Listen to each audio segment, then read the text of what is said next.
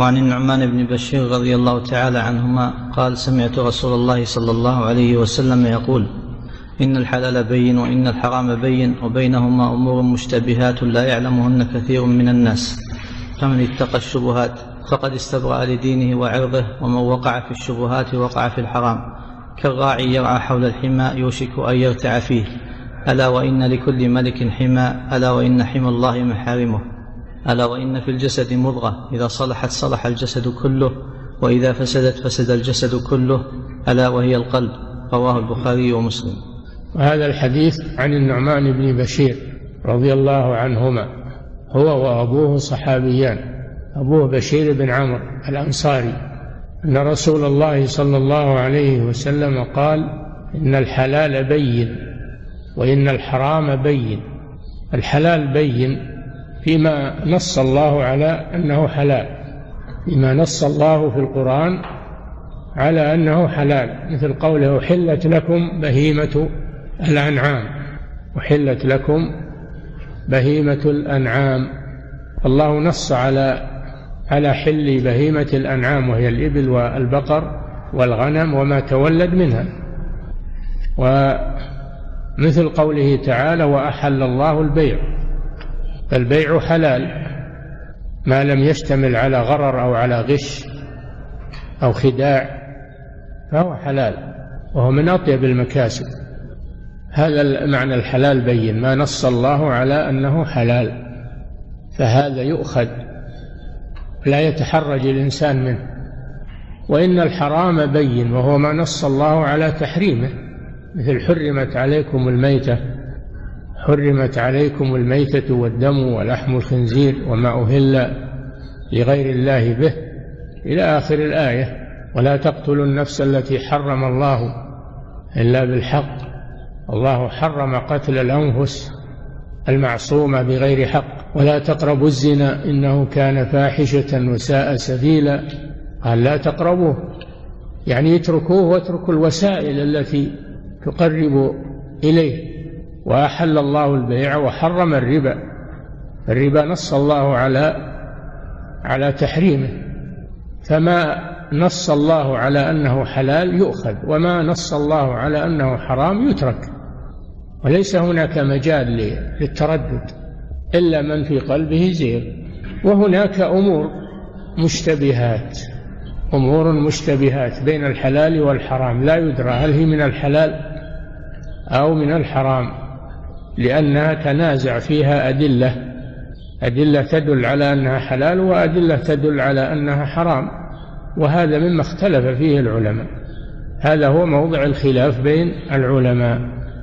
بعضهم أفتى بجوازه وبعضهم أفتى بتحريمه نظرا لأن كل واحد يعتمد على دليل.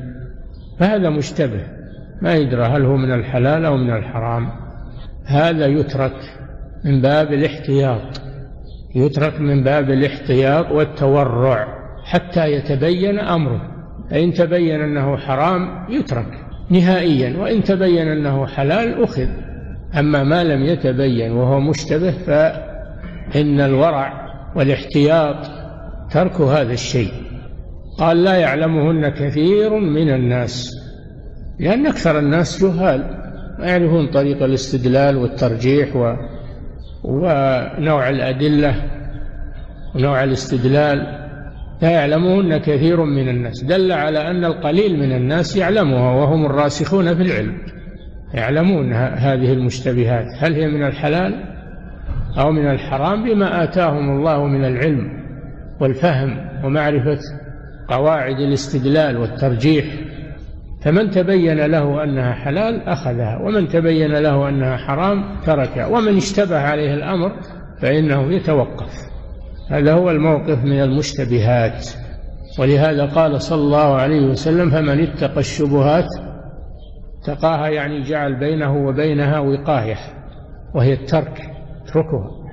من اتقى الشبهات فقد استبرأ لدينه وعرضه نزه دينه من أن يتناول الحرام ونزه عرضه أيضا من أن الناس يتكلمون فيه ويقولون فلان متساهل فمن ترك الشبهات حصل على هاتين من ترك المشتبهات حصل على هاتين المزيتين براءة الدين يعني طهارة ونزاهة الدين وطهارة العرض وهاتان مزيتان عظيمتان الإنسان ما يستعجل في الأمور.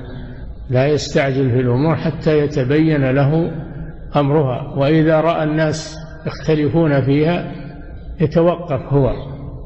إذا رأى هذا يفتي بأنه حلال وهذا يفتي بأنه حرام يتوقف يبتعد عنها.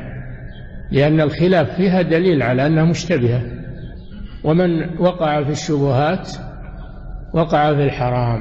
إذا تساهلت إذا تساهلت في الشبهات وأخذتها وقلت ما دام فيها خلاف هي ما ما فيها بأس هذا يجرك إلى أن تقع في الحرام. إذا تساهلت في المشتبهات تساهلت في الحرام الصريح. فهذا ضرر الأخذ بالشبهات أنه يجر إلى الحرام. وهذا خطر عظيم.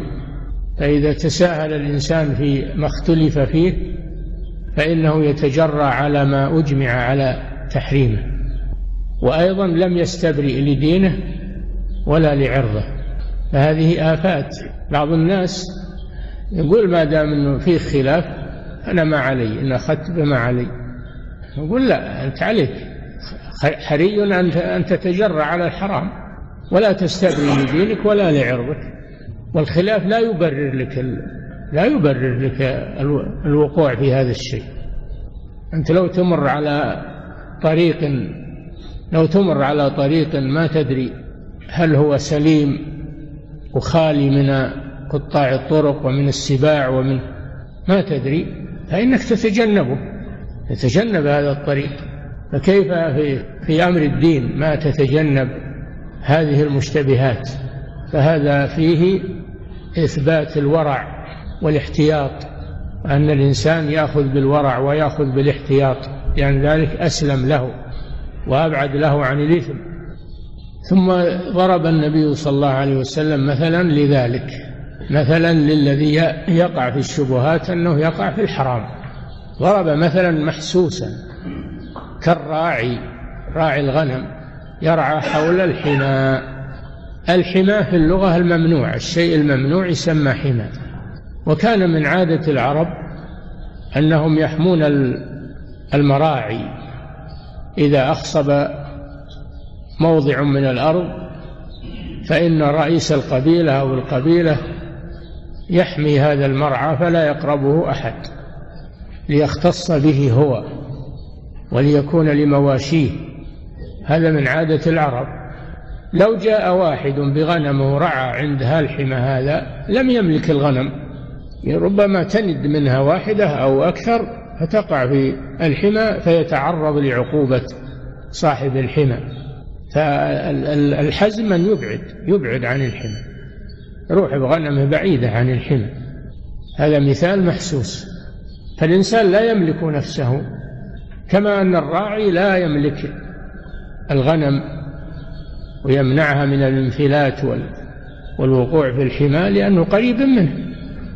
فهذا مثال واضح مثال محسوس أن الإنسان يتجنب الشبهات لئلا يقع في الحرام. الإسلام أبطل الحمى. لا يجوز للإنسان أنه يمنع شيء من ما أنبت الله في الأرض. قوله صلى الله عليه وسلم الناس شركاء في ثلاث الماء والكلأ والنار. والكلأ هو العشب. لا يجوز لأحد أن أن يمنع الناس. من الرعي في مكان من الموات. أما في ملكه إذا نبت العشب في ملكه فهذا محل خلاف. لكن إذا نبت العشب في الموات الذي لا يملكه أحد الناس شركاء فيه. إذا جئت ترعى ولا جاء غيرك يرعى ما تمنع أحد. شركاء. إلا إذا رأى ولي أمر المسلمين أن يحمي شيئا لدواب الصدقة دواب بيت المال الخيل خيل بيت المال أو الإبل فهذا يجوز لأنه لمصلحة المسلمين عموما هو بيختص به هو إنما هو لدواب بيت المال للمصلحة العامة. وقد حمى النبي صلى الله عليه وسلم لإبل الصدقة وحمى عمر حمى الخلفاء. ما هو بلهم هم خاص وإنما لدواب بيت المال لأن مصلحتها لجميع المسلمين. ولهذا قال لا حمى إلا لله ولرسوله. هذا هو الحمى. كالراعي يرعى حول الحمى يوشك أن أن يرتع فيه. يوشك يعني يقرب. يقرب أن لأن يوشك من أفعال الشروع. يوشك يعني يقرب أن يرتع أو يقع فيه لأنه لا يملك الغنم كلها ويمنعها من الانفلات وإذا غفل إذا غفل فإن الغنم تركض إلى إلى العشب فيقع تحت الطائلة فالاحتياط أن يبعد عن هذا المكان.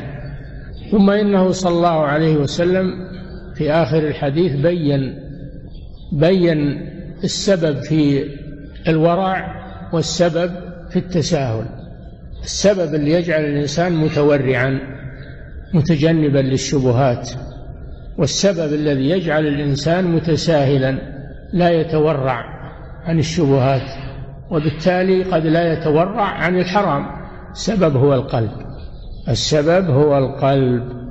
فإذا كان في القلب صلاح فإنه يتورع عن الشبهات. وإذا كان القلب ليس فيه صلاح فإنه لا يبالي بالشبهات ثم لا يبالي بالحرام. فيما بعد. فالمدار على القلب. ما هو القلب؟ القلب هو المضغة يعني قطعة اللحم التي التي في الصدر التي جعل الله فيها أن الإنسان يميز بين الضار والنافع وبين الطيب والخبيث. هذا القلب يميز. إنها لا تعمى الأبصار ولكن تعمى القلوب التي في الصدور. فإذا عمي القلب وقع الإنسان في الشرك والكفر والمفاسد. وإذا كان القلب فيه بصيرة فإنه يتجنب هذه الأشياء. المدار على القلب ألا وإن في الجسد مضغة يعني قطعة لحم صغيرة. ألا وإن في الجسد مضغة. إذا صلحت صلح الجسد. صلحت بخوف الله وخشية الله وتقوى الله عز وجل ومحبة الله. وإذا فسدت فلم تخش الله ولم تخف من الله ولم تحب الله فإنه يفسد الجسد لأن القلب ملك هو ملك الجسد. إذا صلح الملك صلحت الرعية وإذا فسد الملك فسدت الرعية. والقلب هو ملك الأعضاء فعلى المسلم أن يسأل الله صلاح قلبه لأنه إذا صلح قلبه صلحت أموره كلها وإذا فسد قلبه فسدت أموره كلها ولهذا كان صلى الله عليه وسلم يكثر من أن يقول يا مقلب القلوب ثبت قلبي على دينك. يا مقلب القلوب والأبصار ثبت قلبي على دينك. وتقول له عائشة رضي الله عنها في ذلك فيقول يا عائشة وما يؤمنني؟ وقلوب العباد بين أصبعين من أصابع الرحمن.